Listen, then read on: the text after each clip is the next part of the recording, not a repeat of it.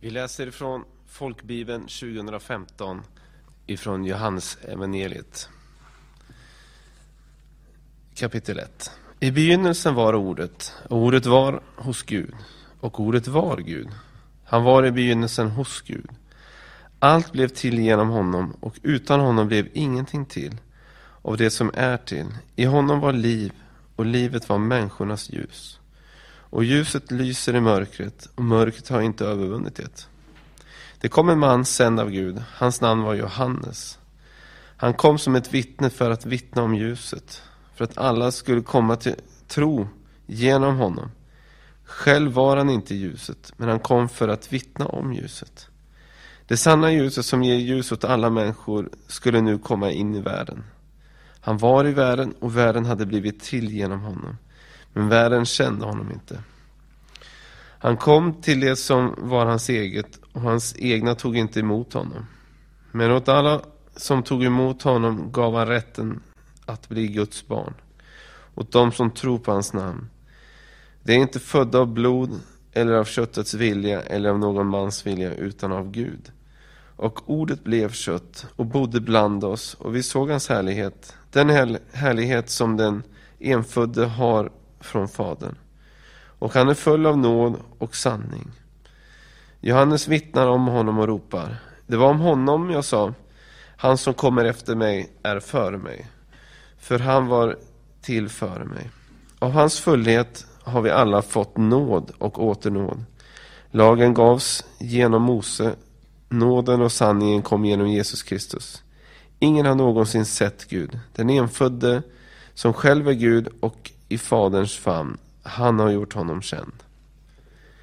Detta är Johannes vittnesbörd när judarna sände präster och leviter från Jerusalem för att fråga honom vem han var. Han bekände och förnekade inte. Han bekände, jag är inte Messias. De frågade honom, vem är du då? Är du Elia? Han, han sa, nej det är jag inte. Är du profeten? Han svarade, nej. Då sa de till honom, vem är du då? Vi måste ge ett svar till de som har sänt oss. Vad säger du om dig själv? Han svarade med profeten Jesajas ord. Jag är rösten som ropar i öknen. Gör vägen rak för Herren. Det som var utsända kom från fariseerna och de frågade honom. Varför döper du då om du varken är Messias eller Elia eller profeten? Johannes svarade dem. Jag döper i vatten. Men mitt ibland er står en som ni inte känner. Han kommer efter mig. Och jag är inte värdig ens att lossa remmen på hans sandal. Detta hände i Betania på andra sidan Jordan, där Johannes döpte. Nästa dag såg han Jesus komma och han sa, se, Guds lamm som tar bort världens synd. Det var om honom som jag, honom jag sa, efter mig kommer en man som är före mig. För han var till före mig. Jag kände honom inte, men för att han inte ska uppenbaras för Israel har jag kommit och döper i vatten. Men för att han ska uppenbaras för Israel har jag kommit och döper med vatten. Johannes vittnade och sa, jag såg anden komma ner som en duva från himlen och stanna över honom. Jag kände honom inte, men han, var, han som sände mig att döpa i vatten sa till mig, den du ser anden komma ner och stanna över, han är den som döper i helig ande. Jag har sett det och vittnat, han är Guds son. Nästa dag stod Johannes där igen med två av sina lärjungar.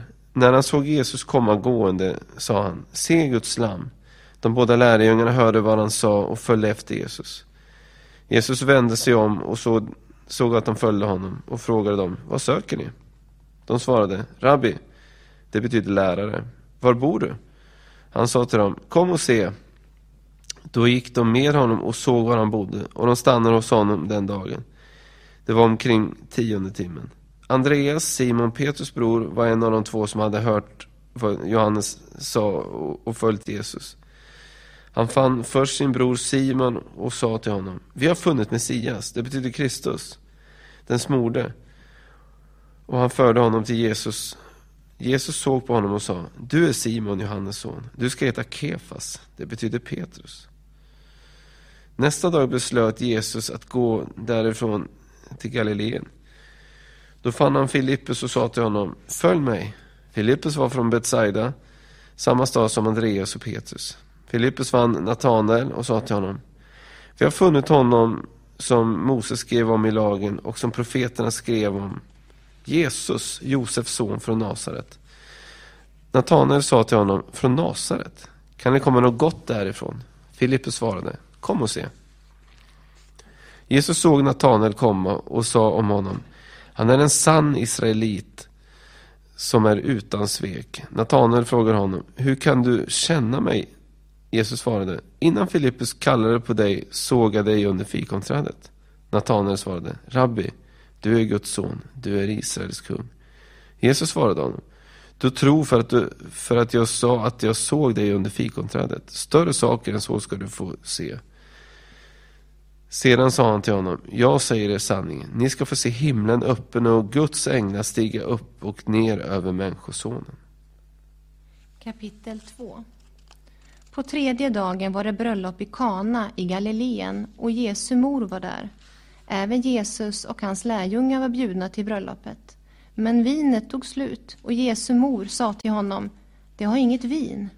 Jesus svarade henne, kvinna, vad har vi med det att göra? Min stund har inte kommit än.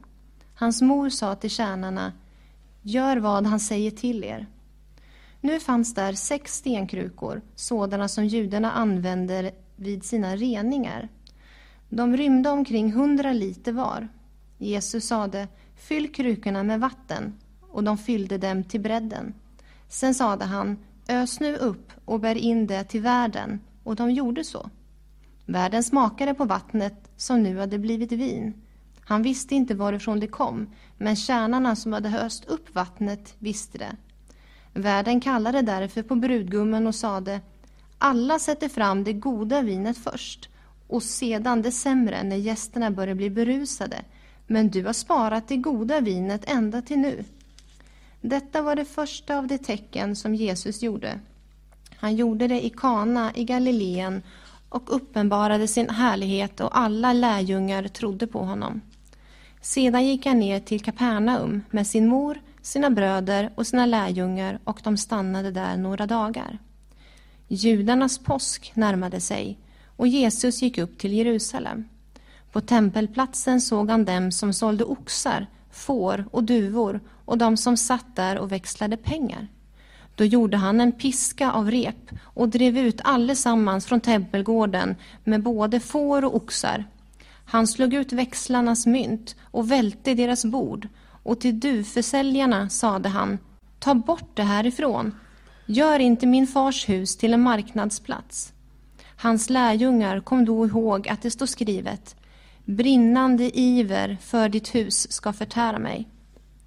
Då reagerade judarna och frågade honom vad kan du visa oss för tecken eftersom du gör så här? Jesus svarade Riv ner det här templet så ska jag resa upp det på tre dagar.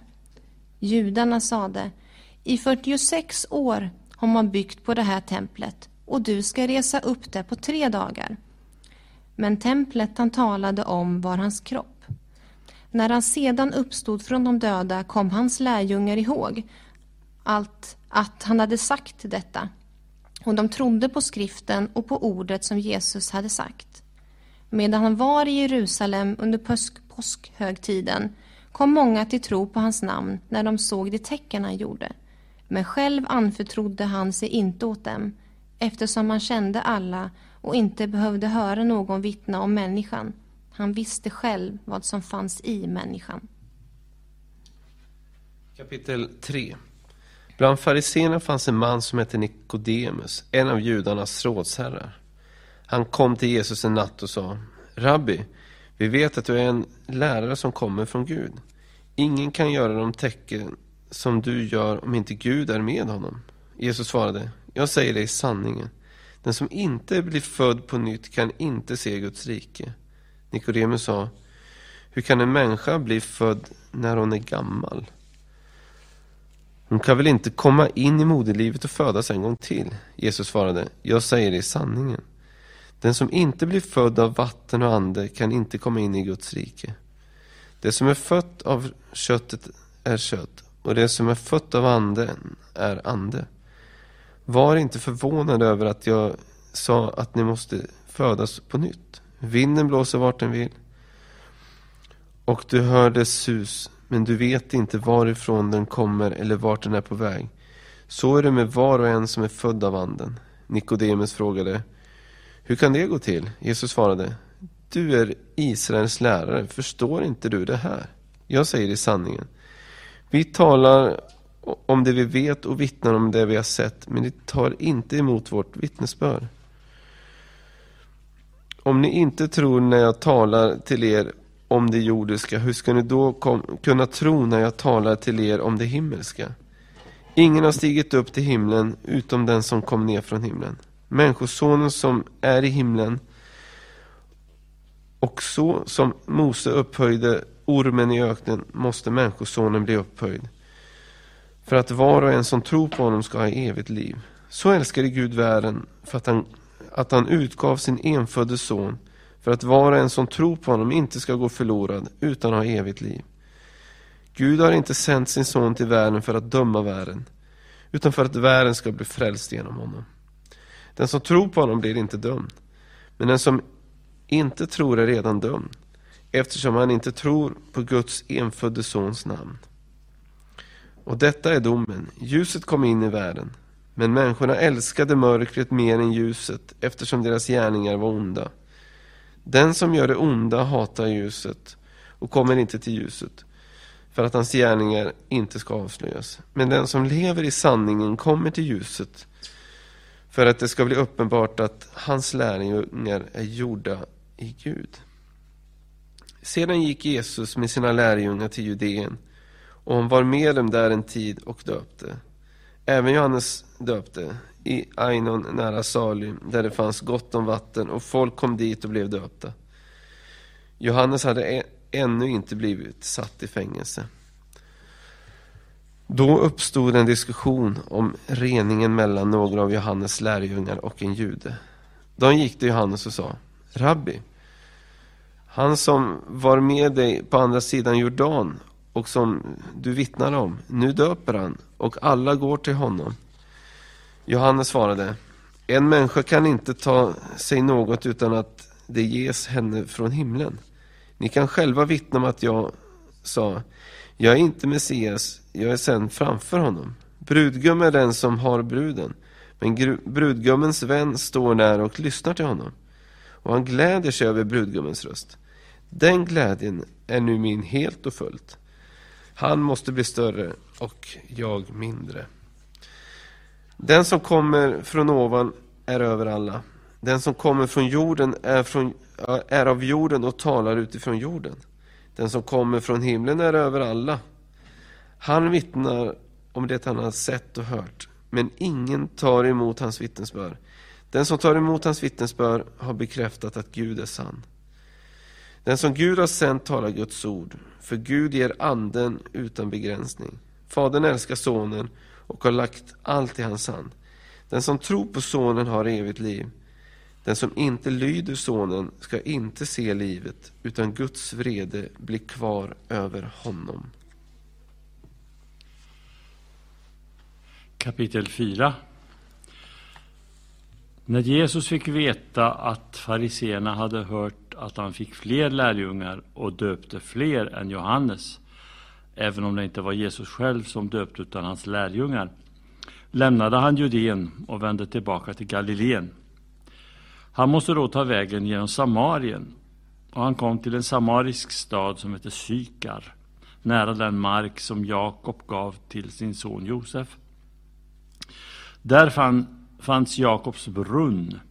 Jesus som var trött efter vandringen satte sig där vid brunnen. Det var omkring sjätte timmen.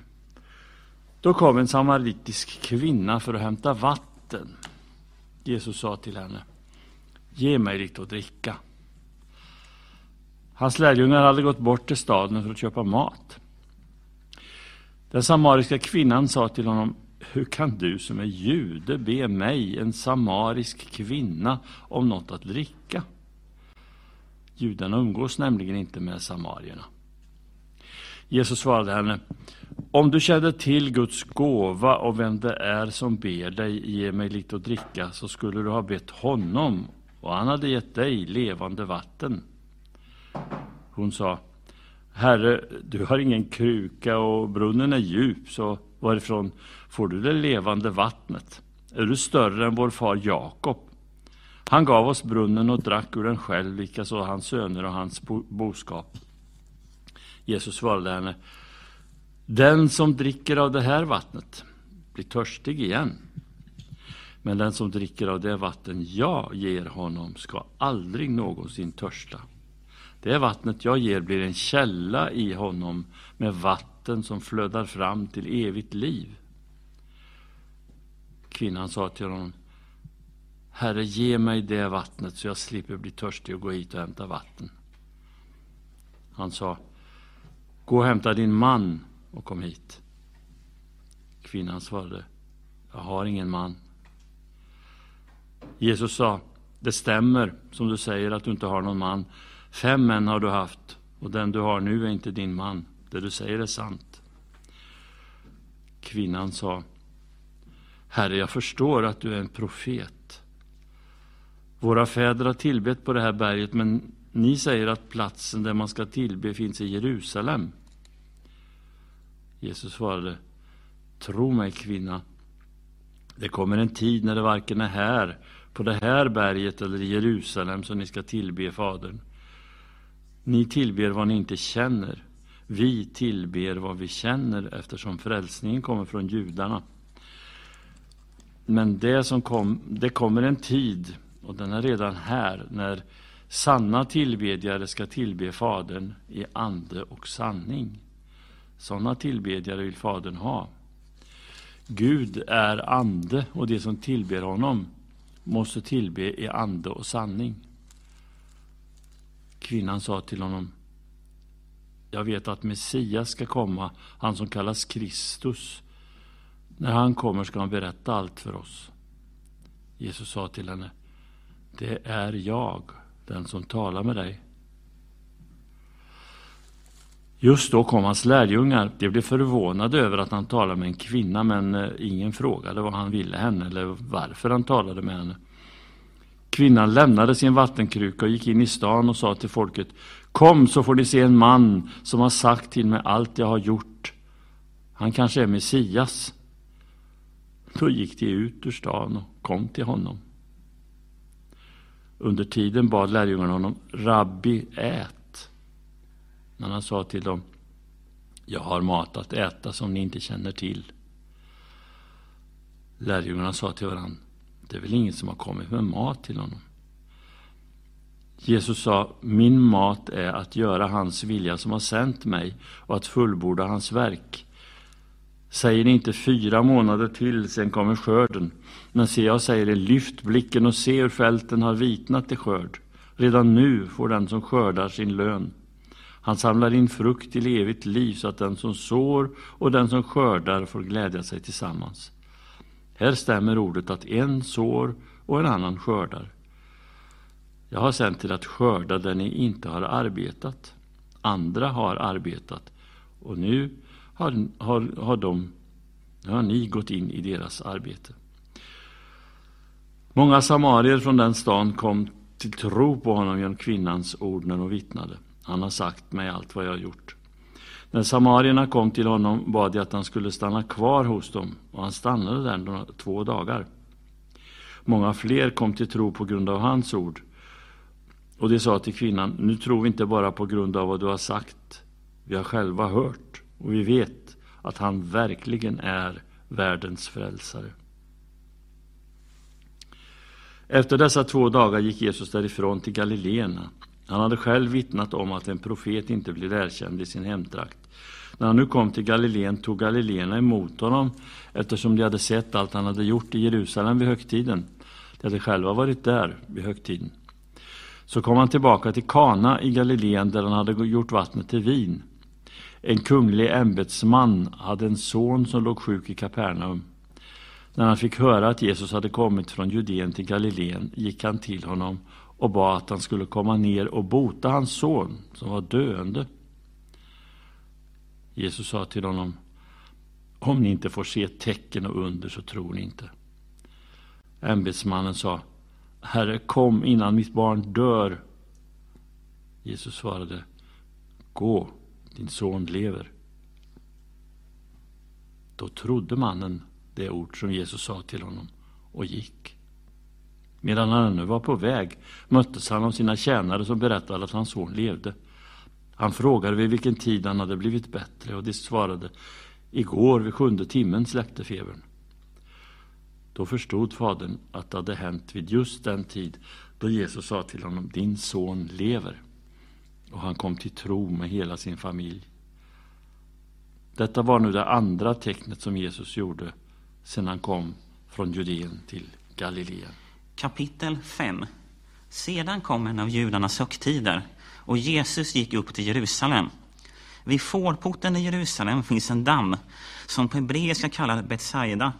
Den har fem pelargångar och i den låg många sjuka, blinda, halta och lama. Där fanns en man som hade varit sjuk i 38 år. Jesus såg honom ligga där och visste att han hade varit sjuk så länge. Och han frågade honom, vill du bli frisk? Den sjuke svarade, Herre, jag är ingen som hjälper mig ner i dammen när vattnet börjar svalla. Och när jag försöker ta mig dit själv, hinner någon annan före mig? Jesus sade till honom, Res dig, ta din bädd och gå. Genast blev mannen frisk och han tog sin bädd och gick. Men det var sabbat den dagen och judarna sade till mannen som hade blivit botad. Det är sabbat, du får inte bära din bädd. Han svarade dem. Han som gjorde mig frisk sade till mig, ta din bädd och gå. Då frågade de, vem var den mannen som sade åt dig att ta din bädd och gå? Men han som hade blivit botad visste inte vem det var. Jesus hade nämligen dragit sig undan eftersom det var mycket folk på platsen. Senare fann Jesus honom på tempelplatsen och sade till honom Se, du har blivit frisk. Synda nu inte mer så att inte något värre drabbar dig. Mannen gick då och berättade för judarna att det var Jesus som hade gjort honom frisk. Därför började judarna förfölja Jesus eftersom han gjorde sådant på sabbaten. Men Jesus sade till dem, min far verkar fortfarande och därför verkar även jag. Då blir judarna ännu ivrigare att döda honom eftersom han inte bara upphävde sabbaten utan också kallade Gud sin far och gjorde sig själv likt Gud. Jesus svarade dem. Jag säger er sanningen. Sonen kan inte göra något av sig själv utan bara det han ser fadern göra. Vad fadern gör, det gör också sonen. Fadern älskar sonen och visar honom allt han gör och större gärningar än dessa skall han visa honom så att ni blir förundrade. För liksom Fadern uppväcker de döda och ger dem liv, så ger också Sonen liv åt vilka han vill. Och Fadern dömer ingen, utan han har överlämnat hela domen till Sonen, för att, all, för att alla ska ära Sonen så, att det är så, så, så som det ära Fadern. Den, den som inte ärar Sonen ärar inte heller Fadern som har sänt honom. Jag säger er sanningen, den som hör mitt ord och tror på honom som har sänt mig, han har evigt liv. Han drabbas inte av domen utan har gått över från döden till livet. Jag säger er sanningen. Det kommer en tid, och den är redan här, när de döda ska höra Guds sons röst och de som hör den ska få evigt liv. För liksom Fadern har liv i sig själv har han också låtit Sonen ha liv i sig själv. Och han har gett honom makt att hålla dom eftersom han är Människosonen. Var inte förvånad över detta. Det kommer en tid när alla som ligger i gravarna ska höra hans röst och komma ut. Det som har gjort gott ska uppstå till liv och det som har gjort ont ska uppstå till dom. Jag kan inte göra något av mig själv. Jag dömer efter det jag hör och min dom är rättvis. För jag söker inte min egen vilja utan hans som har sänt mig. Om jag vittnar om mig själv är mitt vittnesbörd inte giltigt. Det finns en annan som vittnar om mig och jag vet att hans vittnesbörd om mig är sant. Ni har skickat bud till Johannes och han har vittnat för sanningen. Jag tar inte emot en människas vittnesbörd, men jag säger, er, säger det här för att ni ska bli frälsta. Han var en lampa som brann och lyste, och för en tid ville ni glädja er i hans ljus. Själv har jag ett vittnesbörd som är större än det Johannes gav. Det verk som Fadern har, givit, har gett mig att fullborda, just det verk som jag utför, det vittnar om att Fadern har sänt mig. Fadern har sänt, har sänt mig, Fadern som har sänt mig har vittnat om mig. Ni har varken hört hans röst eller sett hans gestalt. Och hans ord lever inte kvar i er, eftersom ni inte tror på den som han har sänt. Ni forskar i skrifterna, för ni tror att ni har evigt liv i dem. Det är just det som vittnar om mig. Men ni vill inte komma till mig för att få, få liv. Jag tar, jag tar inte emot ära från människor. Jag känner er och vet att ni inte har Guds kärlek i er. Jag har kommit i min fars namn och ni tar inte emot mig. Men, kom, men kommer det någon, någon annan i sitt eget namn tar ni emot honom. Hur ska ni kunna tro när ni tar emot ära varandra och inte söker den ära som kommer från den enda guden? Men tro inte att jag kommer för att anklaga er inför Fadern. Den som anklagar er är Mose, han som ni har satt ert hopp till. Hade ni trott Mose skulle ni tro mig på mig, för det var om mig han skrev. Men om ni inte tror hans skrifter, hur ska ni då kunna tro mina ord? Kapitel 6 Sedan for Jesus över till andra sidan Galileiska sjön, alltså Tiberias sjön. Mycket folk följde honom eftersom de såg de tecken som han gjorde med de sjuka. Men Jesus gick upp på berget och satte sig där med sina lärjungar. Påskens, judarnas högtid, var nära. När Jesus lyfte blicken och såg att det kom mycket folk till honom sa han till Filippus Var ska vi köpa bröd så att de får något att äta? Det sa han för att pröva honom. Själv visste han vad han skulle göra.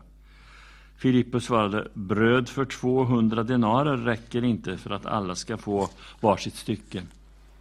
En annan av hans lärjungar, Andreas, bror till Simon Petrus, sa till honom, här är en pojke som har fem kornbröd och två fiskar, men vad räcker det till så många? Jesus sa, låt folket slå sig ner. Det var gott om gräs på platsen och de slog sig ner. Det var omkring 5000 män. Jesus tog bröden, tackade Gud och delade ut till dem som var där, lika som av fiskarna så mycket de ville ha. När de var mätta sa han till sina lärjungar, samla ihop bitarna som blir över så att inget går förlorat. De samlade ihop dem och fyllde tolv korgar med bitarna som blev över efter de fem kornbröden och när de ätit. När människorna såg vilka tecken han hade gjort sa de han måste vara profeten som ska komma till världen. Jesus förstod att de tänkte komma och göra honom till kung med våld och han drog sig undan upp till berget igen, helt ensam. När det blev kväll gick hans lärjungar ner till sjön och steg i båten för att ta sig över till Kapernaum på andra sidan sjön. Det var redan mörkt och Jesus hade fortfarande inte kommit till dem. Det blåste hårt och sjön började gå hög. När de hade kommit ungefär en halv mil ut fick de se Jesus komma gående på sjön och närma sig båten och de blev förskräckta. Men han sa till dem, det är jag, var inte rädda. Då ville de ta upp honom i båten och strax var båten framme vid stranden dit de var på väg. Nästa dag stod folket på andra sidan sjön. De hade sett att det bara hade funnits en båt där och att Jesus inte gått ombord med sina lärjungar utan att de hade gett sig av ensamma. Då kom andra båtar från Tiberias och lade till nära platsen där de hade ätit brödet efter att Herren uttalat tacksägelsen. När folket såg att Jesus inte var där och inte heller hans lärjungar gick de i båtarna och kom till Kapernaum för att söka efter Jesus. De fann honom där på andra sidan sjön och frågade honom Rabbi, när kom du hit? Jesus svarade dem, jag säger er sanningen. Ni söker mig inte för att ni har sett tecken, utan för att ni fick äta av bröden och bli mätta. Arbeta inte för den mat som tar slut, utan för den mat som består och ger evigt liv och som Människosonen ska ge er. På honom har Gud Fadern satt sitt sigill. De frågar honom, vad ska vi göra för att utföra Guds verk? Jesus svarade, detta är Guds verk, att ni tror på den som han har sänt. Då sa de till honom, vad gör du då för tecken så att vi kan se det och tro på dig? Vad, vad, vad, vad kan du göra? Våra fäder fick äta manna i öknen, men och det står skrivet, han gav dem bröd från himlen att äta. Jesus sa till dem, jag säger er sanningen. Det var inte Mose som gav er brödet från himlen. Det är min far som ger er det sanna brödet från himlen. Guds bröd är det som kommer ner från himlen och ger världen liv. Då sa jag till honom, Herre, ge oss alltid det brödet. Jesus svarade, jag är livets bröd. Den som kommer till mig ska aldrig hungra och den som tror på mig ska aldrig någonsin törsta. Men som jag har sagt er, ni har sett mig och ändå tror ni inte. Alla som Fadern ger mig kommer till mig och den som kommer till mig ska jag aldrig visa bort.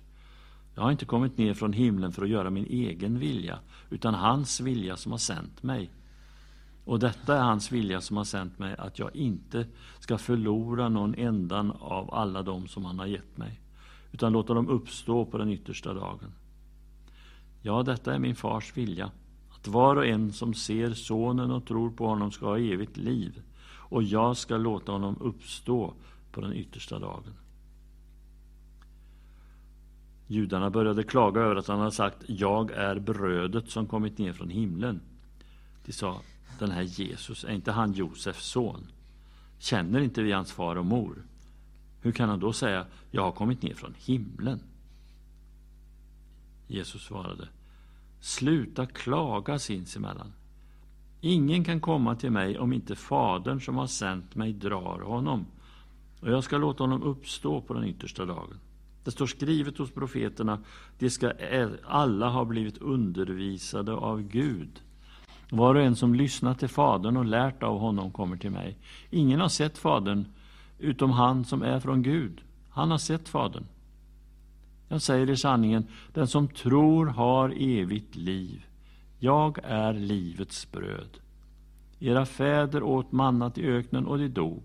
Här är brödet som kommer ner från himlen för att man ska äta av det och inte dö. Jag är det levande brödet som har kommit ner från himlen. Den som äter av det brödet ska leva i evighet, och brödet som jag ger är mitt kött för att världen ska leva. Judarna började då tvista med varandra och säga, hur kan han ge oss sitt kött att äta? Jesus svarade, jag säger er sanningen, om ni inte äter Människosonens kött och dricker hans blod har ni inte liv i er. Den som äter mitt kött och dricker mitt blod har evigt liv och jag ska låta honom uppstå på den yttersta dagen. Mitt kött är verklig mat och mitt blod är verklig dryck. Den som äter mitt kött och dricker mitt blod förblir i mig och jag i honom. Liksom den levande Fadern har sänt mig och jag lever genom Fadern ska också den som äter mig leva genom mig. Detta är brödet som har kommit ner från himlen, inte som det bröd fäderna åt och sen dog. Den som äter det här brödet ska leva i evighet. Detta sa han när han undervisade i synagogan i Kapernaum. Många av hans lärjungar som hörde det sa, det här är en svår tanke, vem står ut med att höra den? Jesus förstod inom sig att hans lärjungar klagade över detta och sa till dem, tar ni anstöt av det här?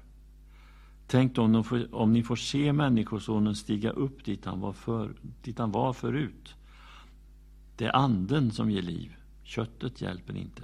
Det ord som jag har talat till er är ande och liv. Men det finns några bland er som inte tror. Jesus visste redan från början vilka som inte trodde och vem det var som skulle förråda honom. Han fortsatte, det var därför jag sa till er, att, till er att ingen kan komma till mig om han inte får det givet av Fadern. Efter detta drog sig många av hans lärjungar undan och slutade vandra med honom. Då sa Jesus till de tolv, inte tänker väl ni också gå? Simon Petrus svarade honom, Herre, till vem skulle vi gå? Du har ju det eviga livets ord. Och vi tror och förstår att du är Guds helige. Jesus svarade och sa Har jag inte själv valt ut er tolv, ändå är en av er en djävul. Han menade Judas, Simon Iskarios son. Det var han som skulle förråda honom.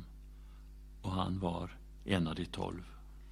Kapitel 7 Därefter vandrade Jesus omkring i Galileen. Han ville inte vandra Judeen eftersom judarna var ute efter att döda honom. Judarnas lövhuggdagtid närmade sig. Hans bröder sade till honom Ge dig av härifrån och gå bort till Judeen så att dina lärjungar också får se de gärningar du gör. Men, men, man gör inte saker i hemlighet om man vill bli känd. Om du gör sådana gärningar, visa det då öppet för världen.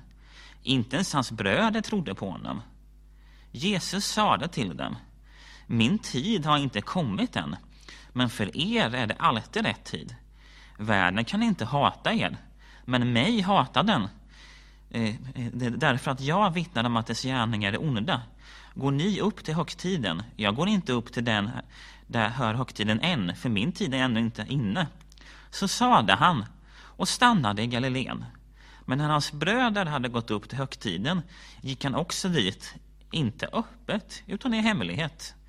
Judarna sökte efter honom under högtiden och frågade, var är han? Och bland folket talades mycket i det tysta om honom. En del sade, han är god. Andra sade, nej, han förleder folket. Men ingen talade öppet om honom av rädsla för judarna. När halva högtiden redan var över gick Jesus upp till tempelplatsen och började undervisa. Judarna blev förvånade och sade Hur kan han känna skrifterna? Han som inte har studerat. Jesus svarade Min lära är inte min. Den kommer från honom som har sänt mig. Om någon vill göra hans vilja ska han, för, ska han förstå om min lära är från Gud eller om jag talar mig själv. Den som talar av sig själv söker sin egen lära. Men den som söker hans ära som har sänt honom, han är sann och ingen orättfärdighet finns i honom. Har inte Mose gett er lagen? Ändå håller ingen av er lagen. Varför vill ni döda mig? Folket svarade, du är besatt. Vem vill döda dig? Jesus sade, en enda sak gjorde jag, och ni blir alla förundrade. Mose har gett er omskärelsen. Egentligen kommer den inte från Mose, utan från fäderna. Och därför omskär ni människor även på sabbaten. Om nu en människa får ta emot omskärelsen på sabbaten för att Mose lag inte ska upphävas, hur kan ni då bli arga på mig för att jag, för att jag har gjort hela människan frisk på en sabbat? Döm inte efter skenet, utan döm rätt. Några av invånarna i Jerusalem sade då, är det inte honom de vill döda? Nu talar han öppet, och det säger ingen till honom. Rådsherrarna väl inte, har väl inte erkänt att han verkligen är Messias? Den här mannen vet vi ju varifrån han är, men när Messias kommer ska ingen veta varifrån han är. Då ropade Jesus där han var på tempelplatsen och undervisade. Ja, mig känner ni, och ni vet varifrån jag är. Men jag har inte kommit av mig själv, utan det finns en som är sann och som har sänt mig. Honom känner ni inte. Jag känner honom, för jag är från honom och han har sänt mig. Då ville de gripa honom, men ingen bar hand på honom eftersom hans stund ännu inte hade kommit. Bland folket kom många till tro på honom, eh, och de sade när Messias kommer, ska han då göra fler tecken än den här mannen har gjort?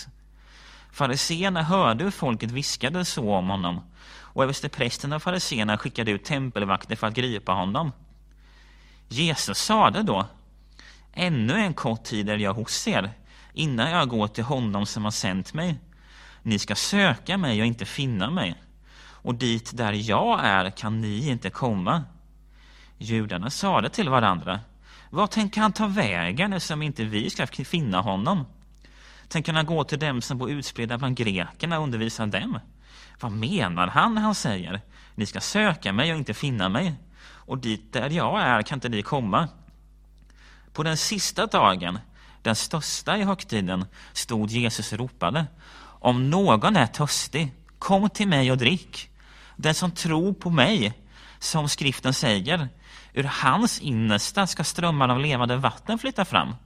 Detta sade han om anden som det skulle få som trodde på honom. Anden hade nämligen inte kommit än eftersom Jesus ännu inte hade blivit förhärligad. Några i folkmassan som hörde hans ord sade han måste vara profeten. Andra sade han är Messias. Men andra sade Messias kommer väl inte från Galileen. Säger inte skriften att Messias kommer från Davids sätt? Och från Betlehem, byn där David bodde? Så blev det splittring bland folket för hans skull. Några ville gripa honom, men ingen bar hand på honom. Tempelvakterna kom tillbaka till översteprästerna och fariseerna som frågade dem Varför har ni inte fått hit honom? De svarade Aldrig har någon människa talat som han. Då sade fariseerna till dem Har ni också blivit förledda? Finns det någon bland rådsherrarna och fariséerna som tror på honom? Men den här folkhopen som inte kan lagen, eh, den, den är förbannad. Nikodemus, han som tidigare kommit till Jesus och som var en av dem, sade Vår lag dömer väl inte någon utan att man först hört honom och tar reda på vad han har gjort. Det svarade Är du också från Galileen? Sök i skriften så ser du att ingen profet kommer från Galileen. Kapitel 8 Sedan gick var och en hem till sitt och Jesus gick till Olivberget. Tidigt på morgonen var han tillbaka på tempelplatsen. Allt folket samlades omkring honom och han satte sig ner och undervisade dem. Då förde de skriftlärda fariseerna dit en kvinna som hade blivit gripen för äktenskapsbrott. De ställde henne i mitten och sa Mästare, den här kvinnan greps på bar gärning när de gick äktenskapsbrott. I lagen har Mose befallt oss att stena sådana. Vad säger du då? Detta sa de för att pröva honom och få något att anklaga honom för.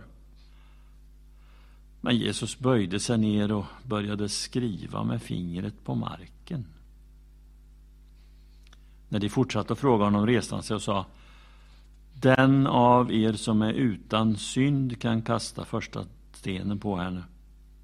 Sen böjde han sig ner igen och skrev på marken. När de hörde detta började de gå därifrån en efter en. De äldste först. Han blev lämnad ensam kvar med kvinnan som stod där. Jesus reste sig upp och sa till henne Kvinna, eh, var är det? Har ingen dömt dig? Hon svarade Nej, Herre. Då sa Jesus Inte heller jag dömer dig. Gå och synda nu inte mer. Jesus talade till dem igen och sa, jag är världens ljus. Den som följer mig ska inte vandra i mörkret utan ha livets ljus. Fariséerna sa till honom, du vittnar om dig själv, ditt vittnesbörd är inte giltigt. Jesus svarade, även om jag vittnar om mig själv är mitt vittnesbörd giltigt, för jag vet varifrån jag kommit och vart jag går. Ni vet inte varifrån jag kommer eller vart jag går. Ni dömer efter det yttre. Jag dömer ingen. Och även om jag dömer är min dom rättvis, för jag är inte ensam, utan Fadern som har sänt mig är med mig. Även i er lag står det skrivet att vad två människor vittnar är giltigt. Jag är den som vittnar om mig själv och även Fadern som har sänt mig vittnar om mig. Då frågar de, var är din far? Jesus svarade, ni känner varken mig eller min far. Hade ni känt mig skulle ni också känna min far. Dessa ord talade han vid offerkistan när han undervisade på tempelplatsen, men ingen grep honom eftersom hans stund ännu inte hade kommit. Än en gång sa Jesus till dem, jag går bort och ni ska söka efter mig, men ni kommer att dö i er synd. Dit jag går kan ingen komma. Kan ni inte komma? Då sa judarna, tänker han ta sitt liv eftersom han säger dit jag går kan ni inte komma. Han sa till dem Ni är nerifrån och jag är från ovan. Ni är av den här världen och jag är inte av den här världen. Det var därför jag sa till er att ni kommer att dö i era synder. För om ni inte tror att jag är ska ni dö i era synder. De frågade Vem är du då? Jesus svarade begynnelsen, vilket jag också har sagt er. Jag har mycket att säga om er och döma er för, men han som har sänt mig är sann, och det jag har hört av honom förkunnar jag för världen. De förstod inte vad han talade till dem om Fadern. Då sa Jesus till dem, när ni har upphöjt Människosonen så ska ni förstå att jag är och att jag inte gör något av mig själv utan talar så som Fadern har lärt mig. Och han som har sänt mig är med mig. Han har inte lämnat mig ensam, för jag gör alltid det som behagar honom. När han sa detta kom många till tro på honom. Jesus sa till de judar som hade kommit till tro på honom, om ni förblir i mitt ord är ni verkligen mina lärjungar. Ni ska lära känna sanningen och sanningen ska göra er fria. Det svarade honom, vi är Abrahams barn och har aldrig varit slavar under någon. Hur kan du säga att vi kan bli fria? Jesus svarade, jag säger er sanningen. Var och en som ägnar sig åt synd är syndens slav. Slaven är inte kvar i huset för alltid, men sonen är kvar för alltid. Om nu sonen gör er fria, blir ni verkligen fria. Jag vet att ni är Abrahams barn, men ni vill döda mig därför att ni inte tar emot mitt ord. Jag talar vad jag har sett hos min far. Ni gör vad ni har hört av er far. De svarade honom. Vår far är Abraham. Jesus sa.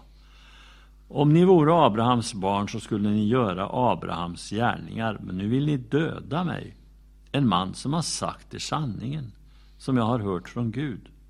Så gjorde inte Abraham. Ni gör er fars, er fars gärningar. De svarade, vi är inte födda i äktenskapsbrott. Vi har bara en far, Gud. Jesus svarade, Vore Gud er far så skulle ni älska mig, för jag har utgått från Gud och kommer från honom. Jag har inte kommit av mig själv, utan han, han har sänt mig. Varför förstår ni inte vad jag säger? Därför att ni inte kan höra mitt ord. Ni har djävulen till far och vill följa er fars begär. Han har varit en mördare från början och har aldrig stått på sanningens sida, för det finns ingen sanning i honom. När han talar lögn talar han utifrån sig själv, för han är lögnare och lögnens fader. Men jag säger sanningen, och därför tror ni mig inte. Vem av er kan visa att jag skulle ha syndat? Om jag talar sanning, varför tror ni mig inte? Den som är av Gud lyssnar till Guds ord, men ni lyssnar inte, därför att ni inte är av Gud. Judarna svarade, visst har vi rätt när vi säger att du är samarier och besatt av en ond ande. Jesus svarade, jag är inte besatt. Jag ärar min far och ni vanärar mig. Jag söker inte min egen ära, men det finns en som söker den och som dömer. Jag säger er sanningen, den som bevarat mitt ord ska aldrig någonsin se döden.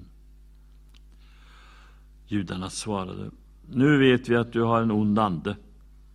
Abraham dog och likaså profeterna och du säger, den som bevarar mitt ord ska aldrig någonsin smaka döden. Är du större än vår far Abraham? Han dog och profeterna döda. Vem tror du att du är? Jesus svarade, om jag ärar mig själv är min ära ingenting värd. Det är min far som ärar mig, han som ni kallar er Gud. Ni känner honom inte, men jag känner honom.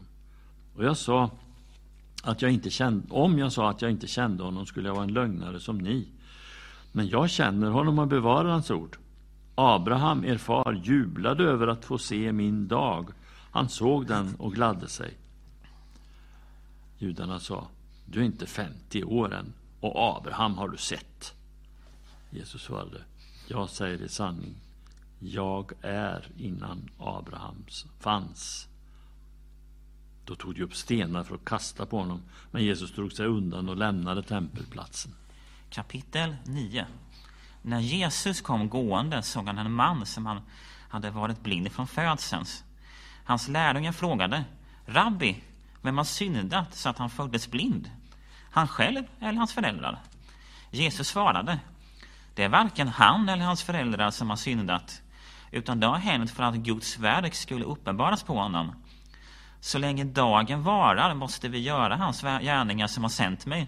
Natten kommer och då, då kan ingen arbeta. När jag är i världen är jag, är jag världens ljus.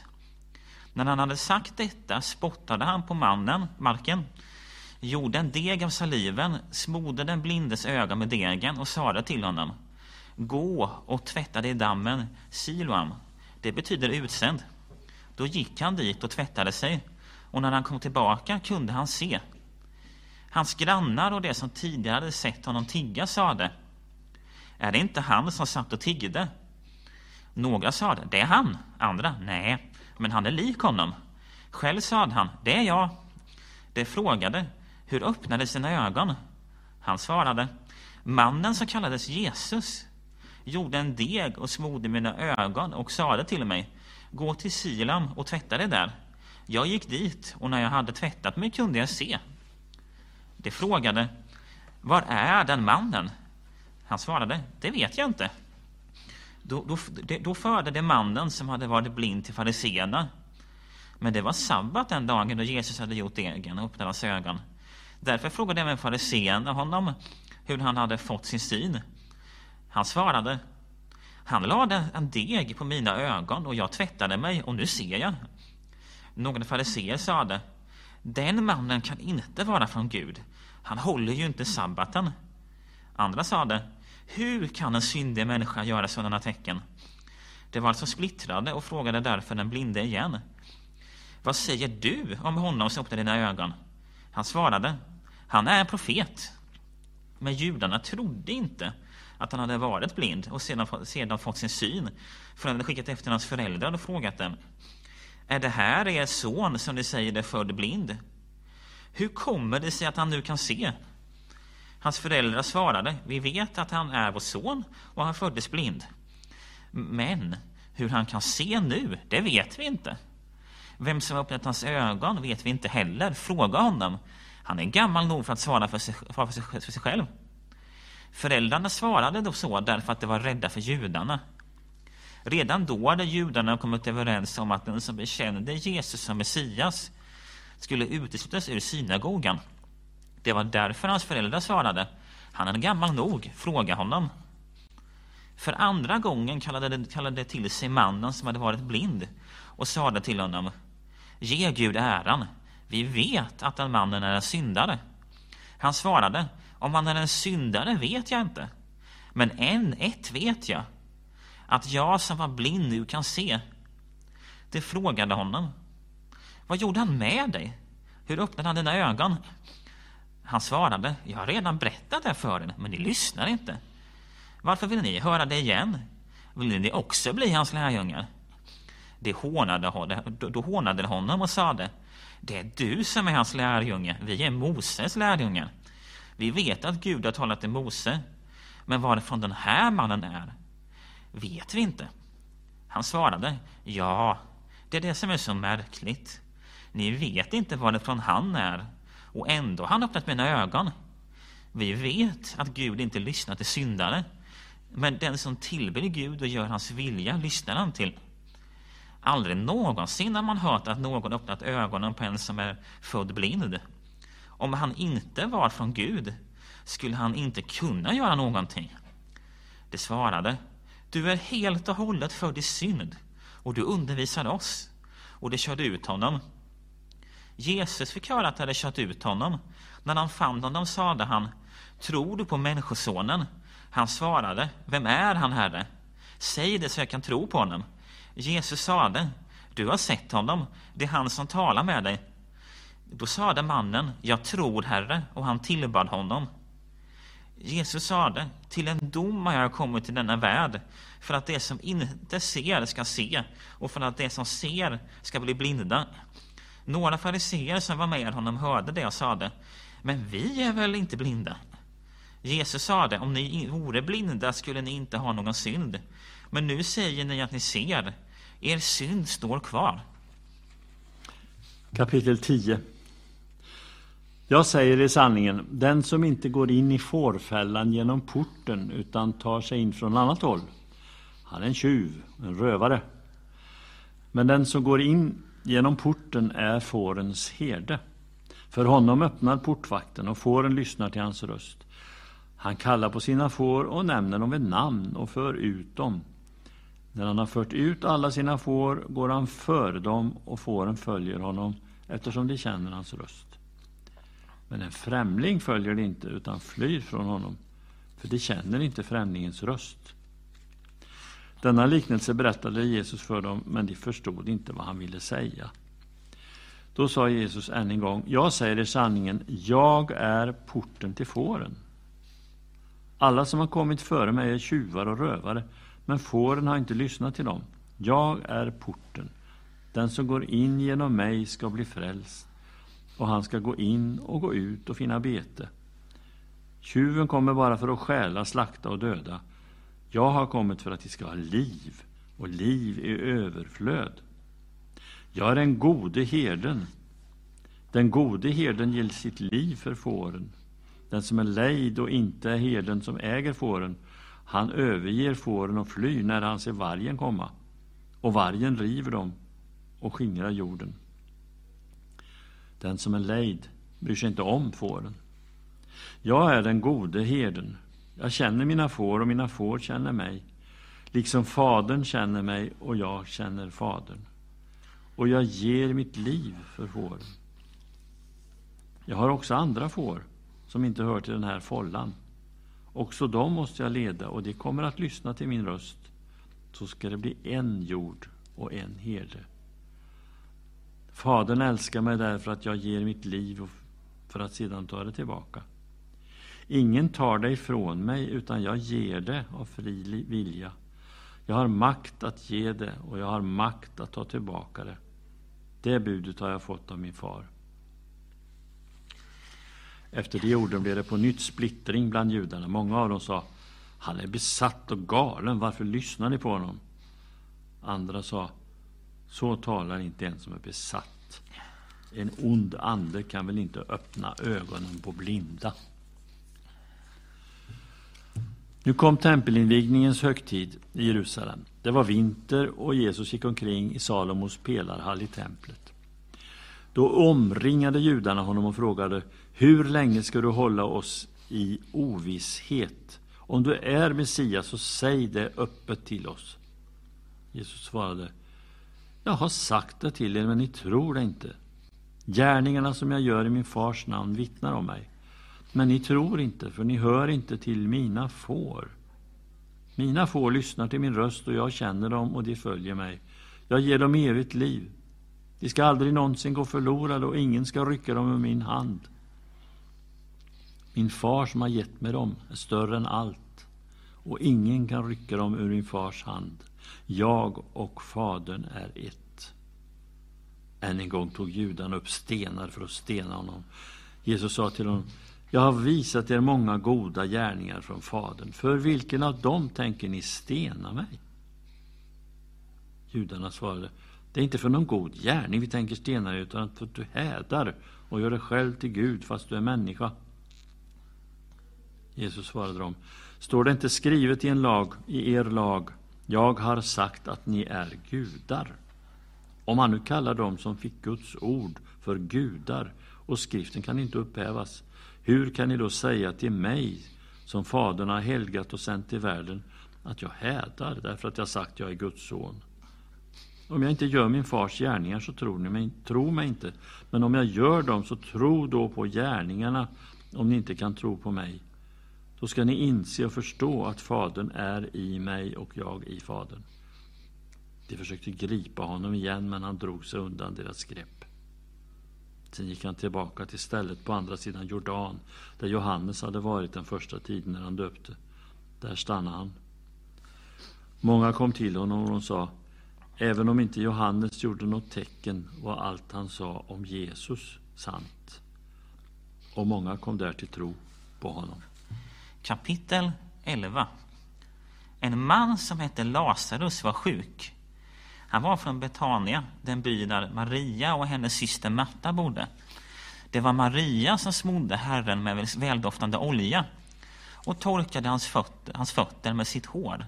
Och nu, och nu var hennes bror Lazarus sjuk. Systrarna skickade då bud till Jesus och lät säga Herre, den som du har, har kär ligger sjuk. När Jesus hörde det sade han Den sjukdomen slutar inte med döden. Den är till, den är till Guds ära, för att Guds son ska bli förhärligad genom den. Jesus älskade Marta och hennes syster och Lazarus. När Jesus nu hörde att Lazarus var sjuk stannade han ändå två dagar där han var. Därför sade han till sina lärjungar Låt oss gå tillbaka till Judeen. Lärjungarna sade till honom Rabbi, nyss försökte judarna stena dig, och nu går du dit igen. Jesus svarade Har inte dagen tolv timmar? Den som vandrar om dagen snavar inte, för han ser denna världens ljus. Men den som vandrar om natten, han snavar, eftersom ljuset inte finns i honom. Efter att han hade sagt detta tillade han, Vår vän Lazarus sover, men jag går för att väcka honom. Då sade lärjungarna till honom, Herre, sover han? Så blir han frisk. Jesus hade talat om hans död, men de trodde att han talade om vanlig sömn. Då sade Jesus helt öppet till dem, Lazarus är död, och för er skull, för att ni ska tro, är jag glad att jag inte var där, men låt oss nu gå till honom. Thomas, som kallades Tvillingen, sade då till de andra lärjungarna, låt oss gå vi också och dö tillsammans med honom. När Jesus kom fram fann han att Lazarus redan legat fyra dagar i graven. Betania låg nära Jerusalem, ungefär tre kilometer därifrån. Många judar hade kommit ut till Marta och Maria för att trösta dem i sorgen över deras bror. När Marta fick höra att Jesus hade kommit gick hon ut och mötte honom. Men Maria stannade kvar hemma. Marta svarade till Jesus, Herre, om du hade varit här skulle min bror inte ha dött. Men också nu vet jag att Gud kommer ge dig vad du ber honom om. Jesus sade, din bror ska uppstå. Marta svarade, jag vet att han ska uppstå vid uppståndelsen på den yttersta dagen. Jesus sade, jag är uppståndelsen och livet. Den som tror på mig ska leva om han än dör. Och den som lever och tror på mig ska aldrig någonsin dö. Tror du detta? Hon svarade, Ja, Herre, jag tror att du är Messias, Guds son, han som skulle komma till världen. När hon hade sagt detta gick hon och kallade på sin syster Maria och viskade, Mästaren är här och kallar på dig. Så snart hon hörde det reste hon sig och gick ut till honom. Jesus hade inte gått ut in i byn än, utan var kvar på platsen där Matta hade mött honom. Judarna som var hemma hos Maria och tröstade henne såg att hon reste sig hastigt och gick ut. Då följde de efter henne i tron att hon skulle gå till graven för att gråta där. När Maria kom till platsen där Jesus var och fick se honom föll hon ner vid hans fötter och sade till honom Herre, om du hade varit här skulle min bror inte ha dött. När Jesus såg hur hon grät och hur judarna som följt med henne grät blev han djupt rörd och skakade sin ande och frågade Var har ni lagt honom? De svarade Herre, kom och se. Eh, Jesus grät. Då sade judarna Se hur han älskade honom. Men några av dem sade Kunde inte han som öppnade ögonen på den blinde ha gjort så att Lazarus inte dog? Jesus blev åter djupt rörd i sitt inre och gick fram till graven. Det var en klippgrav med en sten för öppningen. Jesus sade, ta bort stenen. Den döde syster Matta sade till honom, Herre, han luktar redan, den fjärde dagen. Jesus sade till henne, har jag inte sagt dig att om du tror ska du få se Guds härlighet? Då tog de bort stenen och Jesus lyfte blicken mot himlen och sade, Far, jag prisar dig för att du hör mig. Jag vet att du alltid hör mig. Men jag säger det för folket som står här, för att de ska tro att du har sänt mig. När han hade sagt detta ropade han med hög röst. Lazarus, kom ut! Då kom den döde ut med fötter och händerna inlindade i bindlar och med ansiktet täckt av en duk. Jesus sade till dem. Gör honom fri och låt honom gå. Många judar som hade kommit till Maria och sett vad Jesus gjorde kom till tro på honom. Men några av dem gick till fariseerna och berättade, berättade för dem vad Jesus hade gjort. Översteprästerna och fariseerna kallade då samman Stora rådet och sade Vad gör vi? Den här mannen gör många tecken.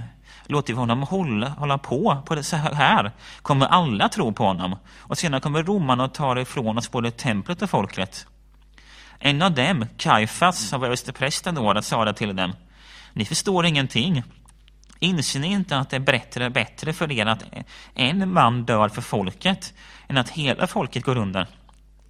Detta sade han inte av sig själv, utan som överstepräst det året profeterade han att Jesus skulle dö för folket. Och inte bara för folket utan också för att samla och förena Guds skingrade barn. Från den dagen bestämde de sig för att döda honom. Jesus rörde sig därför liksom inte längre öppet bland judarna utan drog sig undan därifrån till landsbygden, nära öknen, till en stad som heter Efraim. Där stannade han tillsammans med sina lärjungar. Judarnas påsk närmade sig och många gick från landsbygden upp till Jerusalem före påsken för att rena sig. De sökte efter Jesus och sade till varandra där de stod på tempelplatsen. Vad tror ni? Kommer han inte alls till högstiden? Men översteprästerna och fariséerna hade gett order om att den som visste var han fanns skulle tala om det så att de kunde gripa honom. Kapitel 12 Sex dagar före påsk kom Jesus till Betania där Lazarus bodde, han som Jesus hade uppväckt från de döda. Där ordnade de en festmåltid för honom. Marta passade upp och Lazarus var en av dem som låg till bords med honom. Då tog Maria en hel flaska dyrbar äkta nardusolja och smorde Jesu fötter och torkade dem med sitt hår. Och huset fylldes av doften från oljan. Men Judas Iskariot, en av hans lärjungar, den som skulle förråda honom, invände Varför sålde man inte den där oljan för 300 denarer och gav till de fattiga? Det sa han inte för att han brydde sig om de fattiga utan för att han var en tjuv och brukade ta för sig av det som lades i kistan som han hade hand om. Jesus sa då, låt henne vara, hon har sparat den till min begravningsdag. De fattiga har ni alltid ibland er, men mig har ni inte alltid. En stor mängd judar fick veta att Jesus var där och det kom inte bara för Jesus skull utan också för att se Lazarus som han hade uppväckt från de döda. Då bestämde sig översteprästerna för att döda även Lazarus eftersom många judar lämnade dem för hans skull och trodde på Jesus. Nästa dag hade folk i stora skaror kommit till högtiden. När de fick höra att Jesus var på väg in i Jerusalem tog de palmblad och gick ut för att möta honom. Och de ropade Hosianna, välsignade han som kommer i Herrens namn, han som är Israels kung. Jesus fann ett åsneföl och satt upp på det som det står skrivet. Var inte rädd, dotter Sion, se din konung kommer ridande på ett åsneföl. Hans lärjungar förstod först inte detta. Men när Jesus hade blivit förhärligad kom de ihåg att det var skrivet så om honom och att man hade gjort så för honom. Alla som hade varit med honom när han eh, kallade Lazarus ut ur graven och uppväckte honom från de döda vittnade nu om detta och många kom ut och mötte honom därför att de hade hört att han hade gjort detta tecken. Då sa fariséerna till varandra, ser ni inte att ni inte kommer någon vart? Hela världen springer ju efter honom. Bland de som hade kommit upp för att tillbe vid högtiden fanns några greker. De kom nu till Filippus som var från Betsaida i Galileen och bad honom, Herre, vi vill se Jesus. Filippus gick och talade om det för Andreas och Andreas för Filippus och gick och berättade för Jesus. Jesus svarade, stunden har kommit att Människosonen ska förhärligas. Jag säger er sanningen, om vetekornet inte faller i jorden och dör, förblir det ett ensamt korn. Men om det dör, bär det en rik frukt. Den som älskar sitt liv förlorar det. Men den som sätter sitt liv sist i den här världen ska bevara det till evigt liv. Om någon vill tjäna mig ska han följa mig. Och där jag är ska också min tjänare vara. Om någon tjänar mig ska Fadern ära honom. Nu är min själ i ångest. Vad ska jag säga? Far, fräls mig från denna stund. Nej, det är för denna stund jag har kommit. Far, förhärliga ditt namn.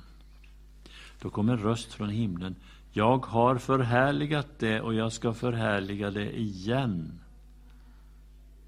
Folket som stod där och hörde det sa att det var åskan. Andra sa att det var en ängel som talade till honom. Jesus svarade, den rösten kom inte för min skull utan för er. Nu går en dom över denna värld. Nu ska denna världens furste kastas ut. Och när jag blivit upphöjd från jorden ska jag dra alla till mig. Detta sa han för att ange på vilket sätt han skulle dö. Då sa folket till honom, vi har hört i lagen att Messias ska vara kvar för alltid. Hur kan du då säga att Människosonen måste bli upphöjd? Vad är det för en människoson? Jesus sa till dem, ännu en kort tid är ljuset bland er. Vandra medan ni har ljuset så att inte mörkret övervinner er. Den som vandrar i mörkret vet inte vart han går.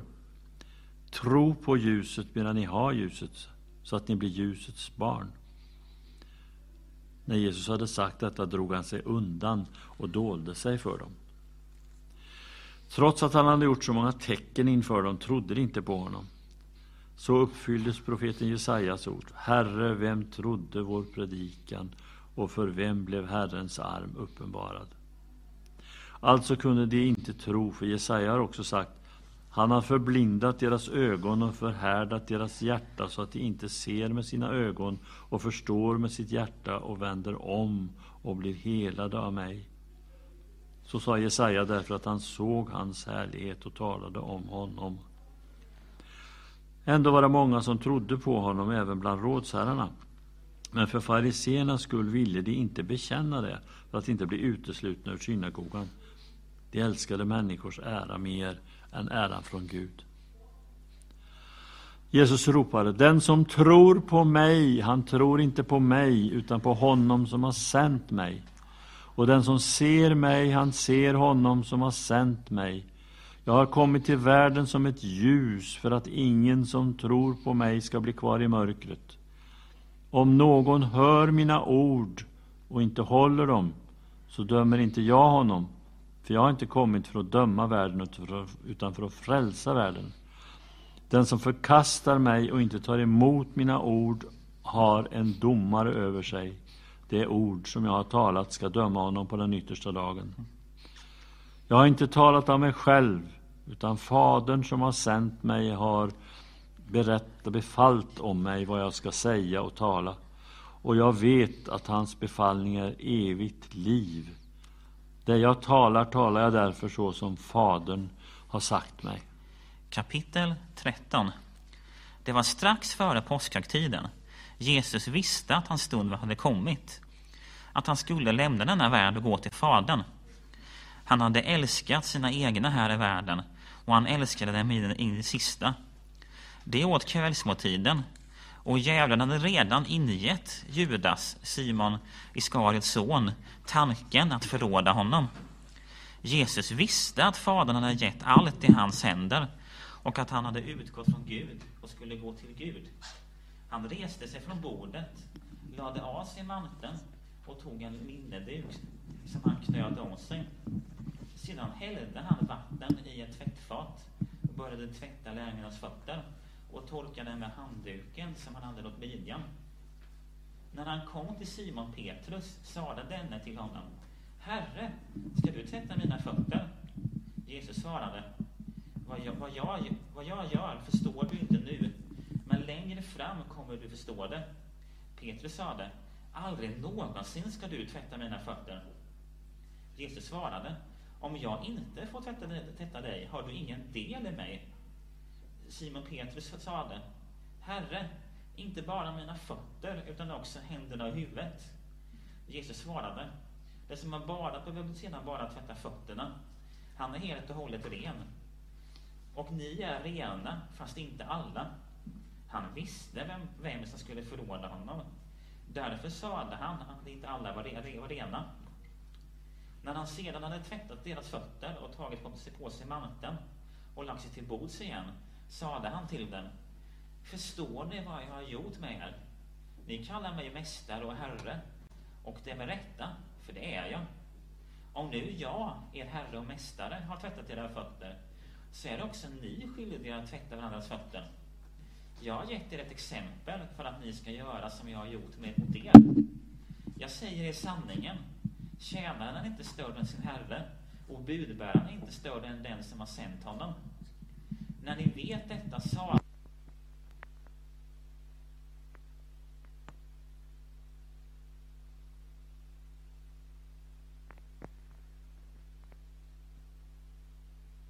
lyfter sin häl mot, mot mig. Jag säger det till er nu innan, innan det sker, för att ni när det sker ska tro att jag är. Jag säger i sanningen. Den som tar emot någon som, som jag sänder tar emot mig. Och den som tar emot mig tar emot honom som har sänt mig. När Jesus sagt detta, sagt detta skakade han i sin ande och vittnade. Jag säger er sanningen. En av er ska förråda mig. Lärjungarna såg på varandra och undrade osäkert vem han kunde mena. En av hans lärjungar, den som Jesus älskade, låg till bords vid Jesus sida. Simon Petrus gav tecken till honom att fråga vem han talade om. Den lärjungen lutade sig då mot Jesu bröst och sade Herre, vem är det? Jesus svarade Det är han som får brödet som jag doppar.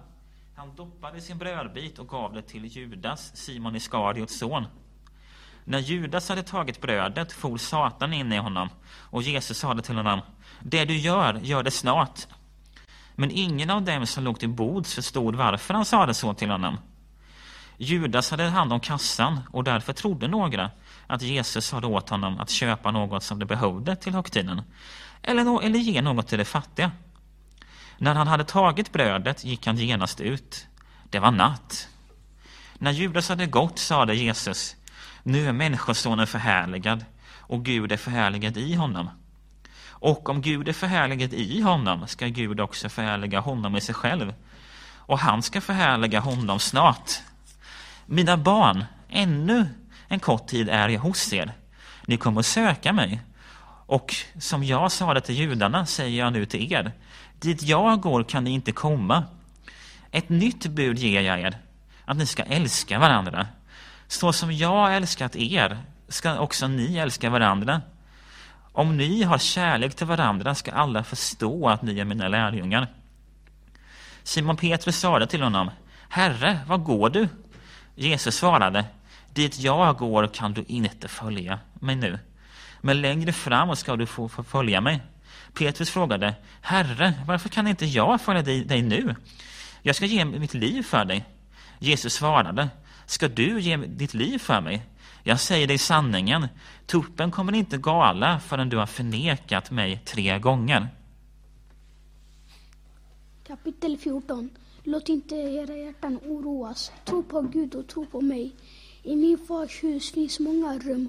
Om det inte vore så skulle jag då ha sagt eh, er att, gå, att jag går bort för att förbereda plats för er.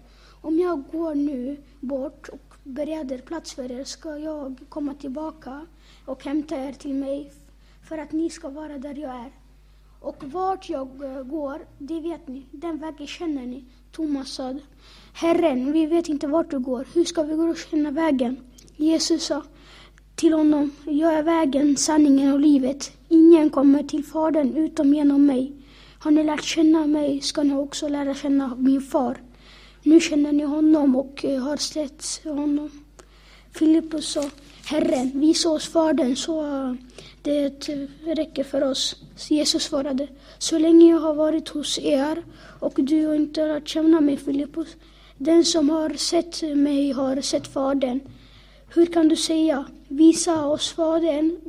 Tror du inte att jag är Fadern och Fadern är i mig? Orden jag talar till er ser jag inte av mig själv. Fadern bor i mig och gärningarna är hans verk. Tro mig, jag är Fadern och Fadern är i mig. Och ni kan inte det tro för gärningarnas skull. Jag säger er sanningen. Den som tror på mig ska göra de gärningar som jag gör och större än så ska han göra. För jag går till Fadern och vad ni än eh, ber om och mitt namn ska jag göra. För Fadern ska bli förhärligad i sonen. Om eh, ni ber om något i mitt namn ska jag göra det. Om ni älskar mig håller ni fast vid mina bud. Och jag ber till, ska jag be till Fadern att han ska ge en annan hjälpare som ska vara hos er för alltid. Sanningens eh, ande. Världen kan inte ta emot honom för världen ser honom inte och känner honom inte. Ni känner eh, honom för att han förblir hos er och, och ska vara er. Jag ska inte lämna er faderlösa och jag ska komma till er. Ännu en kort tid och världen ser mig inte längre. Men ni ska se mig, för jag lever och ni ska leva. Den dagen ska ni förstå att jag är min far och att ni håller mig och jag är er. Ni, de som har mina bud och håller fast vid dem är den som älskar den eh, eh mig så ska bli älskad av eh, min far och jag ska älska honom och uppenbara mig för honom. Judas, inte Judas Iskariot, frågade Herre. Hur kommer det sig att du ska uppenbara dig för oss och inte för världen? Jesus svarade, om någon älskar mig håller han fast vid mitt ord och min far ska älska honom och vi ska komma tillbaka till honom och ta vår boning hos honom. Den som inte älskar mig håller inte fast vid mina ord. Ordet som ni hör är inte mitt. Det kommer från Fadern som, jag, som har sänt mig. Detta har jag sagt till er medan jag är kvar hos er. Men Hjälparen, den helige Anden, som Fadern ska sända i mitt namn, han ska lära er allt och påminna er om allt som jag har sagt er. Frid lämnar jag åt er, min frid ger jag er och, och ger inte det som världen ger. Låt inte era hjärtan oroas och tappa inte modet. Ni har hört att jag har sagt åt er, jag går bort och jag kommer till er igen. Om ni älskade mig skulle ni vara glada över att jag går till Fadern och Fadern är större än jag. Nu har jag sagt det till oss innan, jag ska, innan det sker, för att ni ska tro när det har skett. Jag ska inte säga er mycket mer, för denna världens första är på väg. Han har ingen makt över mig. Men världen måste förstå att jag älskar Fadern och, och gör som Fadern har befallt. Res er så går vi härifrån.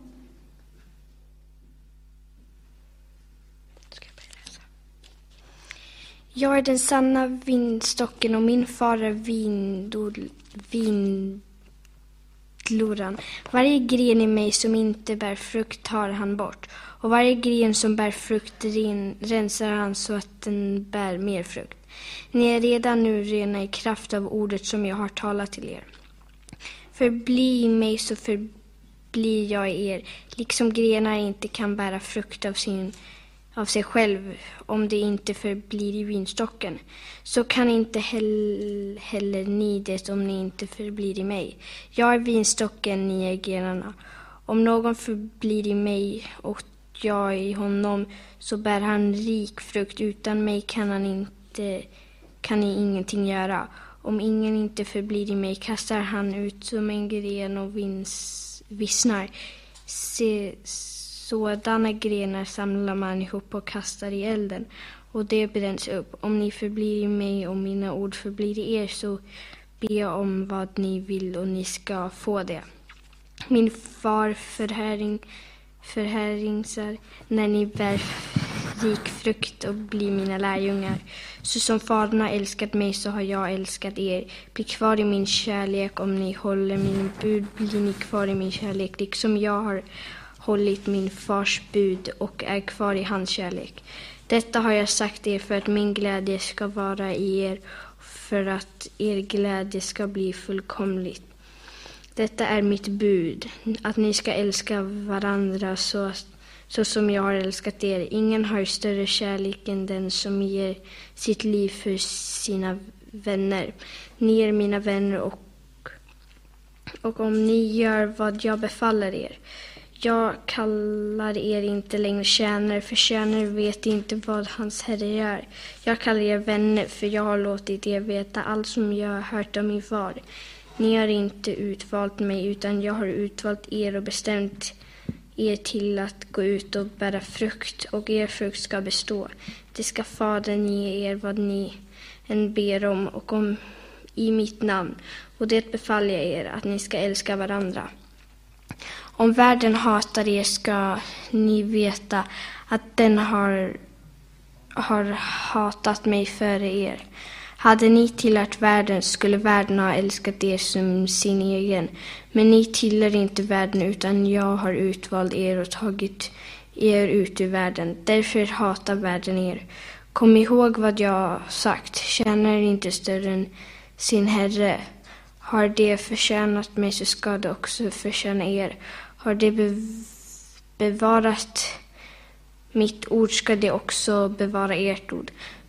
Men om allt det, detta kommer det att göra mot er för mig, för mig, mitt namns skull. Därför att de inte känner honom som har sänt mig.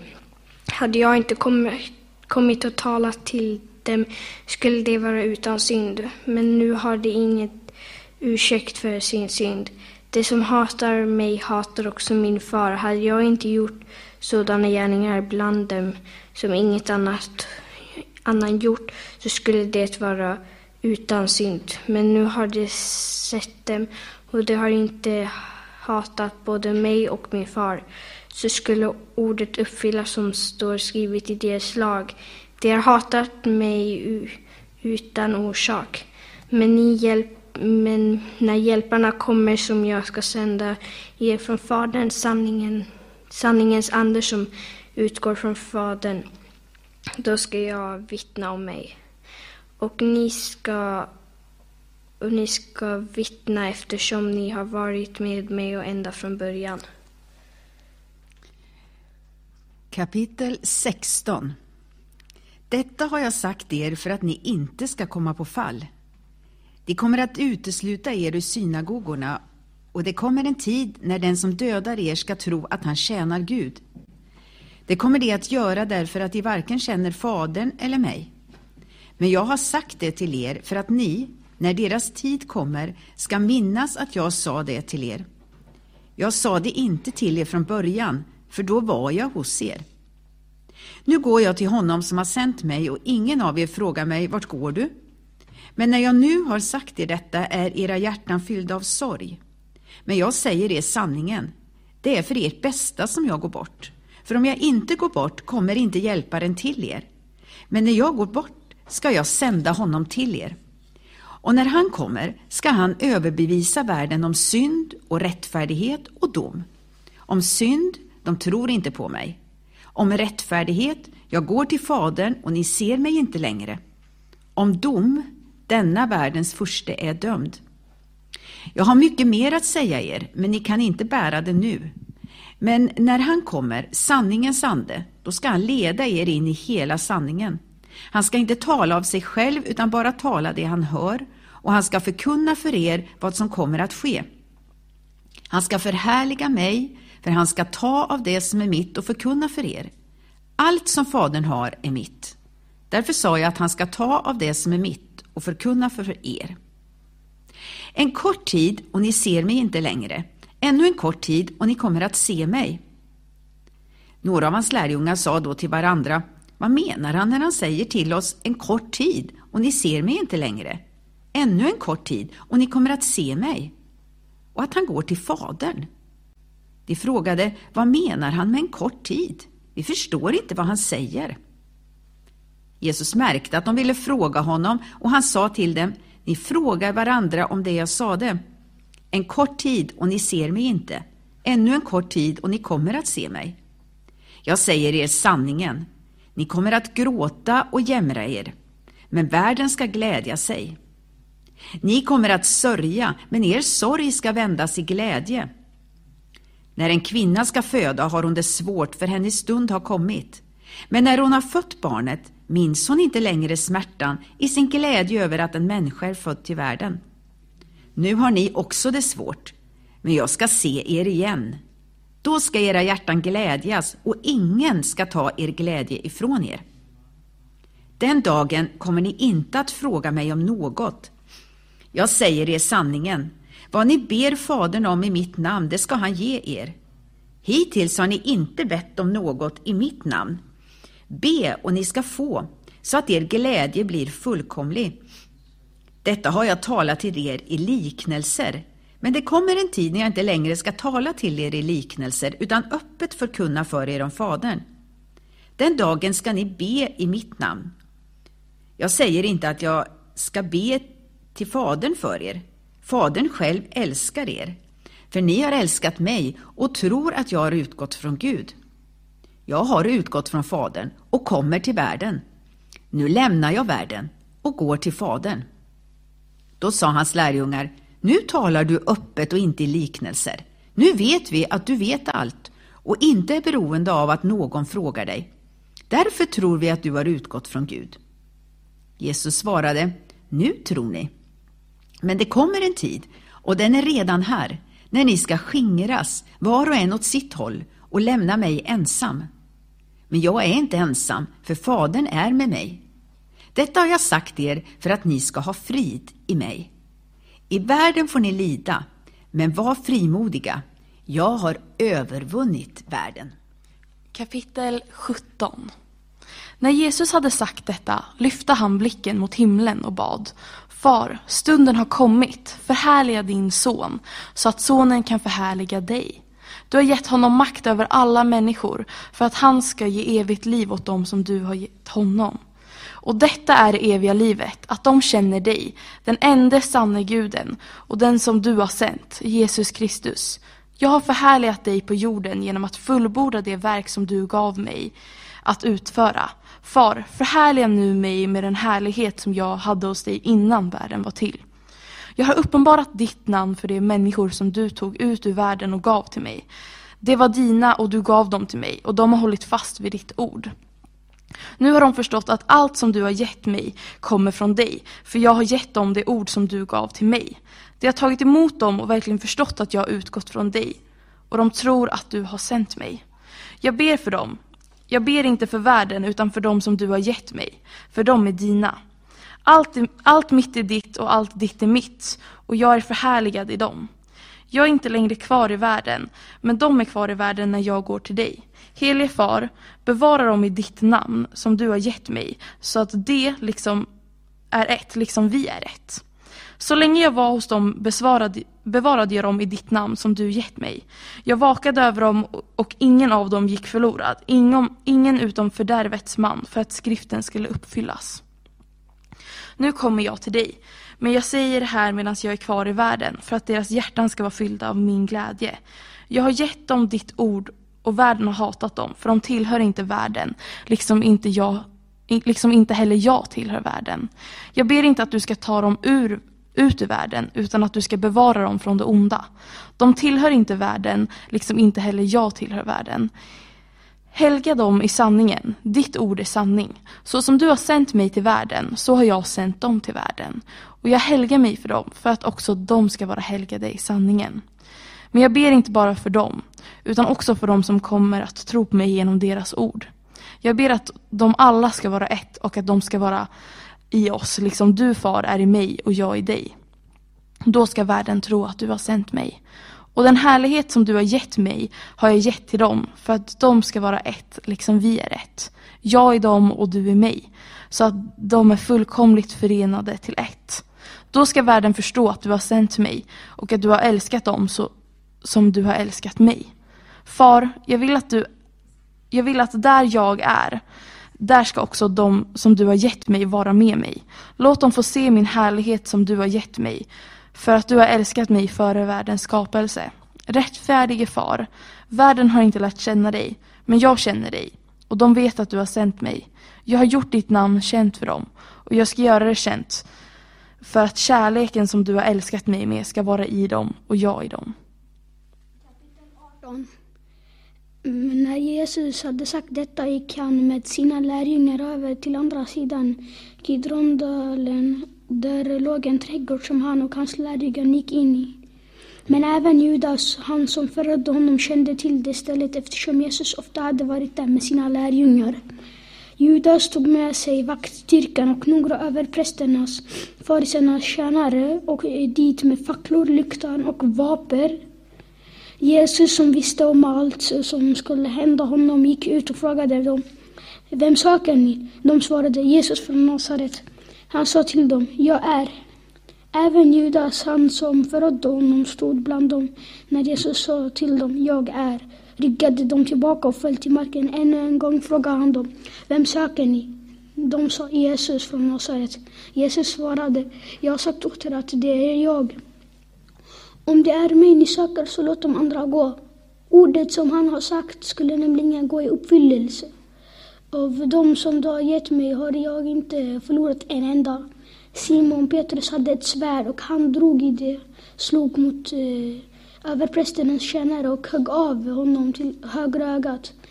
Örat, eh, tjänaren hette Markus. Jesus sa till Petrus, sätt svärdet i skidan. Skulle jag inte dricka av en bägare som Fadern gett till mig? Soldaten och befälhavaren och judarnas tjänare grep nu Jesus och band honom. De förde honom först till Hannas svärfar, till Kaifas, som var överpräst det året. Det var Kaifas som hade gett judarna rådet att det var bättre att en man dog i folkets ställe. Simon Petrus och en annan lärling följde efter Jesus. När lärjungen var bekant med överprästens eh, och kom in på överprästens gård tillsammans med Jesus. Prästen, men, men Petrus stod kvar utanför vid porten. Den andra lärjungen, han som var bekant med eh, som vaktade porten och hämtade mm, in Petrus. Tjänsteflickan frågade Petrus, är inte du också en av den eh, där mannens lärjungar? Han svarade, nej det är jag inte. Det var kallt och tjänarna och vakterna gjorde upp en koleld där de stod och värmde sig. Även Petrus stod där tillsammans med dem och värmde sig. Överprästen frågade ut eh, Jesus om hans lärjungar och hans lära. Jesus svarade honom. Jag har talat öppet till världen och jag har alltid undervisat i synagogan och i templet där alla judar samlas. Jag har inte talat i hemlighet. Varför frågar du mig? Fråga av den som har hört vad jag har förkunnat för dem. De vet vad jag har sagt. När Jesus sa detta gav en av tjänarna som där honom ett slag i ansiktet och sa Ska du svara Ska du svara över prästen på det sättet? Jesus svarade Har jag sagt något som är fel så säg vad som är fel. Men om jag talar sanning, varför slår du mig? Då skickade Hannas honom bunden till överprästen Kaifas Simon Petrus stod och vände sig. Eh, då frågade de honom, är inte du också en av hans lärjungar? Han nekade och sa, nej det är jag inte. En av överprästens tjänare och släkting till vars öra Petrus hade huggit av sa, såg jag inte själv att du var med honom i trädgården? Petrus nekade ännu en gång och strax gål en tupp. Från Kaifas eh, förde de sedan Jesus till pretoriet. Det var nu tidigt på morgonen. Själva gick de inte till pretoriet för att, för att bli orena utan kunna fira påsken. Pilatus kom därefter ut till dem och frågade varför anklagar ni den här mannen för? De svarade han har inte varit en brottsling. Skulle vi inte ha överlämnat honom åt dig? Pilatus sa till dem tar ni honom och döm honom efter er lag. Judarna sa, vi har inte rätt att avrätta någon. Så skulle det ord uppfyllas som Jesus hade sagt när han gav eh, på vilket sätt han skulle dö. Pilatus gick tillbaka in i pretoriet och lät eh, kalla in Jesus och frågade, så det är judarnas konung? Jesus svarade, säger du det av dig eller själv eller har andra som har sagt det om mig? Pilatus svarade, jag är väl inte jude. Ditt folk är eh, översten har överlämnat dig åt mig. Jesus, vad har du gjort? Jesus svarade, mitt rike är inte en av den här världen. Hade mitt rike varit av den här världen skulle min, mina tjänare ha kämpat för att jag inte skulle utlämnas åt judarna. Men nu är mitt rike inte en av den här världen. Pilatus sa, du är alltså kung. Jesus svarade, du själv säger att jag är kung därför att jag är född och därför att jag har kommit till världen till, för att vittna om sanningen. Var och en som är av sanningen lyssna till min röst. Pilatus sa till honom, vad är sanning? Med, orden, med de orden gick han ut till judarna igen och eh, sa till dem, jag, finner, jag finner mig inte skyldig till någonting, men jag ser och frier en fånge åter vid påsken. Vill jag inte ska fria judarnas konung åter. Då skrev åter inte honom utan Barabbas. Barabbas var en upprorsman. Kapitel 19 Då tog Pilatus Jesus och lät gissla honom. Soldaterna flätade en krona av torne och satte på hans huvud och klädde honom i en purpurad mantel. Sedan gick de fram till honom och sade Var välsignad judarnas kung och slog honom i ansiktet. Pilatus gick ut igen och sade till dem Se här, jag för ut honom till er så att ni för, förstör, förstår att jag inte finner honom skyldig till något. Jesus kom då åtklädd i törnkronan och purpurmanteln och Pilatus sa till dem, se människan. När översta prästerna och deras tjänare fick se honom skrek de korsfäst, korsfäst. Pilatus sade då till dem, ta ni och korsfäst honom, jag finner honom inte skyldig till något. Judarna svarade, vi har en lag och enligt den lagen måste han dö, för han har gjort sig till, han har gjort sig till Guds son. När Pilatus hörde det blev han ännu mer rädd. Han gick därför in i proteret och frågade Jesus, varifrån är du? Men Jesus gav honom inget svar. Pilatus sade till dem, talar du inte med mig? Vet du inte att jag har makt att frige dig och makt att korsfästa dig? Jesus svarade, du skulle inte ha någon makt alls över mig om du inte hade fått åt dig större skuld. Från det ögonblicket försökte Pilatus få honom fri, men judarna skrek Släpp, Släpper du honom är du inte kejsarens vän. Den som gör sig själv till kung sätter sig mot kejsaren. När Pilatus hörde det och orden lät han föra ut Jesus och satte sig på domarsätet vid en plats som kallades Stengården, på hebreiska Gabata. Det var förberedelse i påskveckan omkring, omkring sjätte timmen. Pilatus sade till honom här ser ni er kung. De skrek bort med honom, bort, korsfäst honom. Pilatus frågade, ska jag korsfästa en, er kung? Över stenpesterna svarade, vi har ingen annan kung än kejsaren. Då utlämnade han Jesus åt dem till att korsfästas. De tog med sig Jesus och han bar själv sitt kors och kom ut till det som kallas dödskalleplatsen, på hebreiska Golgata. Där korsfäste de honom och tillsammans med honom två andra, en på var sida med Jesus i mitten. Pilatus lät också skriva ett anslag som sattes upp på korset. Där stod skrivet Jesus från Nasaret, judarnas kung. Anslaget lästes av många judar eftersom platsen där Jesus blev korsfäst låg nära staden och texten var skriven på hebreiska, latin och grekiska. Då sa judarnas överste präster till Pilatus, skriv inte judarnas kung, utan att han har sagt, jag är judarnas kung. Pilatus svarade, det jag har, skri det jag har skrivit har jag skrivit. När soldaterna hade korsfäst Jesus tog de hans kläder och delade upp dem i fyra delar, en för varje soldat. Men livklädnaden var utan sömmar, vävd i ett enda stycke uppifrån och ner. Därför sa de till varandra, vi skär inte sönder den utan kastar lott om vem som ska få den. Skriften skulle nämligen uppfyllas. De delade mina kläder mellan sig och kastade lott om min klädnad. Så gjorde nu soldaterna. Vid Jesu kors stod hans mor och hennes syster Maria, som var Klopas hustru, och Maria, Magdala, Eh, Maria Magdalena. När Jesus såg sin mor och bredvid henne den lärjunge som han älskade sa han till sin mor, Kvinna, där är din son. Sedan sa han till lärjungen, där är din mor. Från den stunden tog lärjungen hem henne till sig. Jesus visste att allt nu var fullbordat. Han sa sedan för att skriften skulle uppfyllas, jag törstar. Där stod en kruka full med ättikvin och de satte en svamp full med ättikvin runt en isopskälk och förde den till hans mun. När Jesus hade fått ättikvinet sa han, det är fullbordat. Och han böjde ner huvudet och överlämnade sin ande. Det var förberedelsedag och judarna ville inte att kropparna skulle hänga kvar på korset över sabbaten eftersom det var en stor sabbatsdag. Därför bad de Pilatus att de korsfästas ben skulle krossas och kropparna tas bort.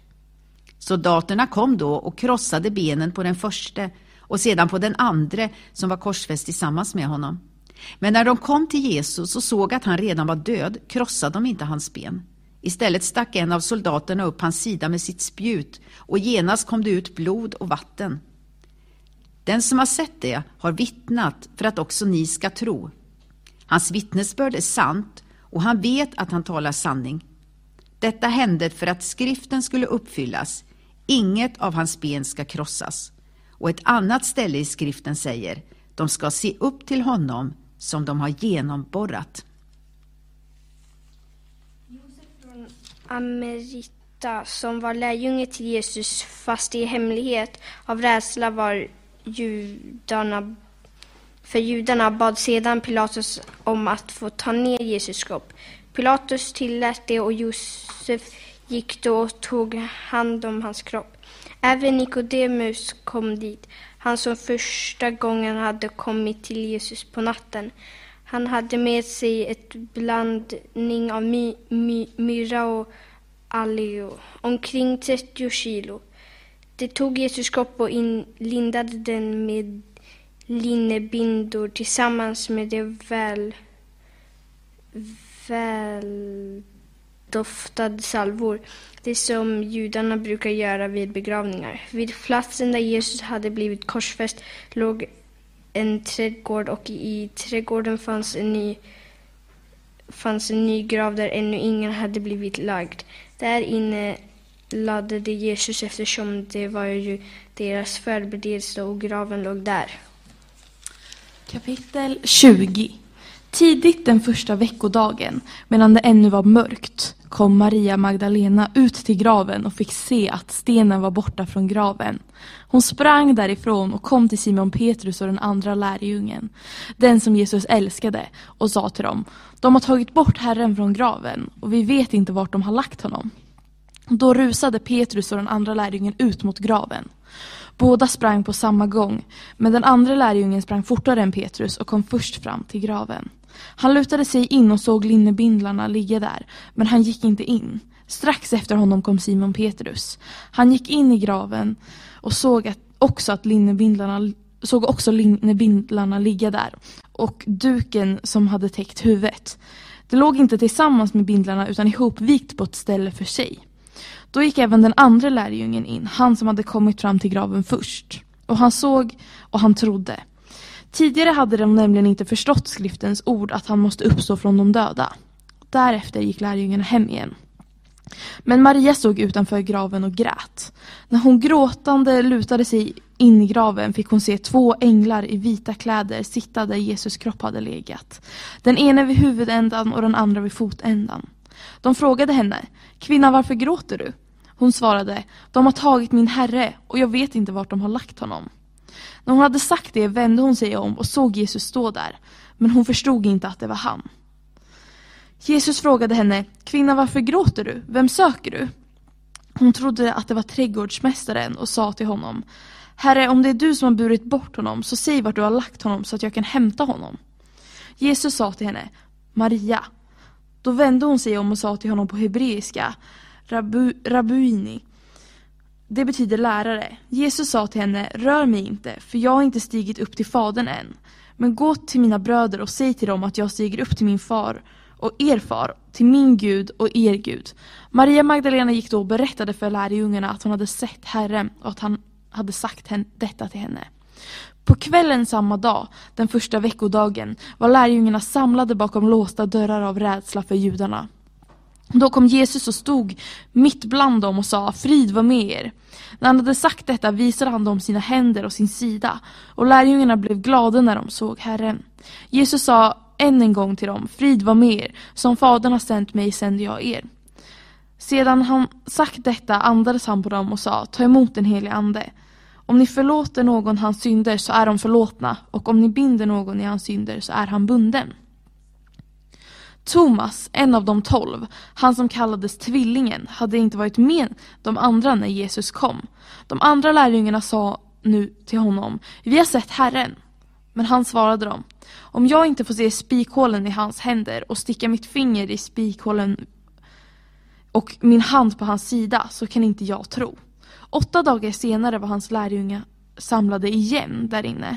Och nu var Thomas med dem. Då kom Jesus medan dörrarna var låsta och stod mitt ibland dem och sa Frid var med er. Sen sa han till Thomas, kom med ditt finger och se mina händer och kom med din hand och stick den i min sida. Och tvivla inte, utan tro. Thomas svarade honom, min Herre och min Gud. Jesus sa till honom, du tror därför du har sett mig. Saliga är de som inte har sett men tror ändå. Många andra tecken som inte är nedskrivna i denna bok gjorde Jesus inför sina lärjungar. Men dessa har blivit nedskrivna för att ni ska tro att Jesus är Messias, Guds son, och för att ni genom tron ska ha liv i hans namn. Kapitel 21 Sedan visade sig Jesus en gång till, till för lärjungarna. Då var vid Tiberias sjön och det gick så här. Simon, Petrus och Thomas som kallades tvillingen Natnael från Kana i Galilean. Sebudus söner och två andra från hans lärjungar var tillsammans. Simon Petrus sa till dem, jag går ut och fiskar. Den andra sa, vi följer med dig. De gick ut och steg i båten, men den, men den natten fick de ingenting. Tidigt på morgonen stod Jesus på stranden, men lärjungarna förstod inte att det var han. Jesus sa till dem, mina barn, har ni inget att äta? De svarade nej. Han sa, kasta ut nätet på höger sidan av båten så ska ni få. De kastade ut nätet och nu orkar de inte dra upp det för all fisken. Eh, lärjungarna som Jesus älskade sa då till Petrus, det är Herren. När Simon Petrus hörde det var han, Herren drog och han ytterplagget om sig för att han var han kom efter båten med fiskenätet på släp. De var inte långt från land, omkring hundra meter. När de kom in i land fick de se koleld och fisk som låg på den bröd. Jesus sa till dem, bär hit av fisken som ni fick nyss. Peter, Simon Petrus steg i båten och drog upp nätet på land. Det var fullt av stora fiskar, 153 stycken. Och fast de var många gick nätet inte sönder. Och fast eh, Jesus sa till dem, kom och ät. Ingen av lärjungarna vågade fråga honom vem han var. De förstod att det var Herren. Jesus gick fram och tog brödet och gav dem likaså fisken. Det var den tredje gången som Jesus visade sig för lärjungarna efter att ha uppstått från de döda. När de hade ätit sa Jesus till Simon Petrus, Simon, Johannes son, älskar du mig mer än de andra? Han svarade, ja, Herre, du vet att jag har dig kär. Jesus sa till honom, för mina lamm på bete. För andra gången frågade han, Simon, Johannes son, älskar du mig? Han svarade, ja, Herre, du vet att jag har dig kär. Jesus sa till honom, var en herde för mina får. För tredje gången frågade han, Simon, Johannes son, har du mig kär? Petrus blev bedrövad när Jesus för tredje gången frågade, har du mig kär? Och han svarade, Herre, du vet allt, du vet att jag har dig kär. Jesus sa, för mina får på bete. Jag säger dig sanningen, när du var yngre spände du själv bältet om dig och gick vart du ville. Men när du blir äldre ska du sträcka ut dina händer och en annan ska spänna bältet om dig och leda dig, leda dig dit du inte vill. Detta sa han för att ange med vilken död Petrus skulle förhärliga Gud. Sedan sa han till honom, följ mig. Petrus vände sig om och såg att lärjungen som Jesus älskade följde efter. Han som vid måltiden hade lutat sig mot Jesus bröst och frågat, Herre, vem är det som ska förråda dig? När Petrus såg honom frågade han Jesus, Herre, hur blir det med honom? Jesus svarade, om jag vill att han ska vara kvar tills jag kommer, vad rör det dig? Följ du mig. Så spreds ryktet bland bröderna att den lärjungen inte skulle dö. Men Jesus hade inte sagt till honom att han inte skulle dö, utan om jag vill att han ska vara kvar tills jag kommer, vad rör det dig? Det är den lärjungen som vittnar om detta och har skrivit detta och vi vet att hans vittnesbörd är sant. Jesus gjorde också mycket annat. Men om varje händelse skulle skrivas ner tror jag att inte ens hela världen skulle rymma de böcker som då måste skrivas.